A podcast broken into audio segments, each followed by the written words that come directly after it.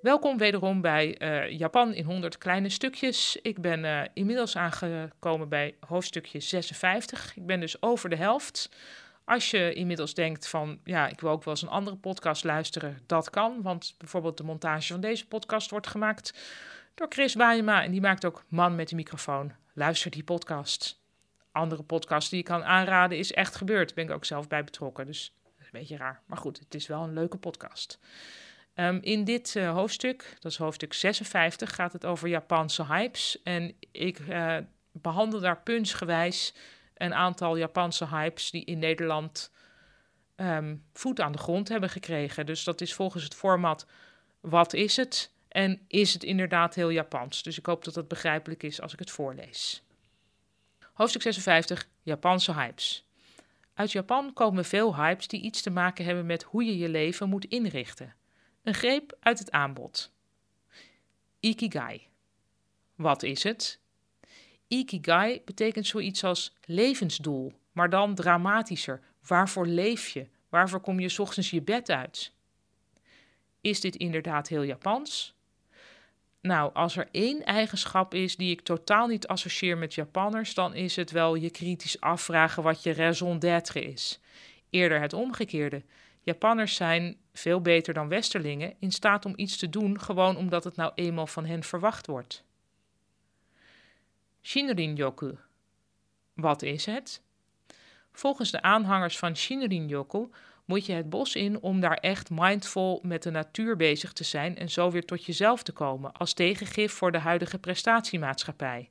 Shinrin-yoku betekent bosbaden. Is dit inderdaad heel Japans? Jazeker, want soms wordt Shinrin-yoku zelfs vergoed door de overheid. In contact staan met de natuur wordt door Japanners belangrijk gevonden. Nu ben ik een keer meegeweest met een officiële Shinrin-yoku-sessie en toen bleek dat dat contact met de natuur vrij beperkt bleef. We liepen een half uurtje over een breed pad het bos in, gingen vervolgens in een hangmat liggen, aten een hapje en wandelden toen weer terug. De participerende Japanners hadden zich niettemin aangekleed alsof zij het oerwoud van Borneo moesten bedwingen. Marie Kondo. Wie is het? Marie Kondo is een wereldberoemde Japanse opruimgoeroe.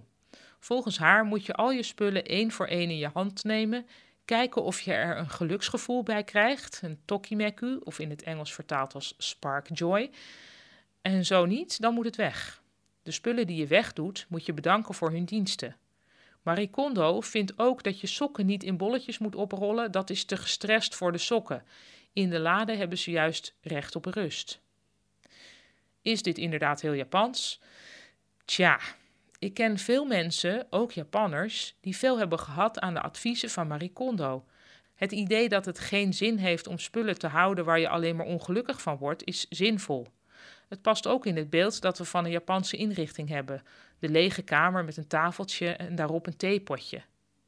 De praktijk in Japan is totaal anders. Ik zie in Japanse huizen veel meer troep dan in Nederlandse. Ook tref ik er ontstellend veel troepige hoekjes aan, vol met plastic shit. Alle spullen die made in Japan zijn, moeten natuurlijk ook ergens blijven en de meeste van die spullen zijn verspreid over miljoenen Japanse appartementjes. Ik denk dat Marie Kondo zo populair heeft kunnen worden omdat er juist in Japan veel behoefte is aan iemand die toestemming geeft om spullen weg te gooien. Haar methode is dus niet zozeer een afspiegeling van een Japanse zen-traditie, maar een reactie op een Japans probleem. Overigens is Marie Kondo inmiddels een online winkel begonnen waar zij nieuwe spullen verkoopt. En als terzijde speciaal voor de luisterboekluisteraars, ik heb toevallig net vorige week het boek van Marie Kondo weggekondood. Als een soort meta-kondo-actie.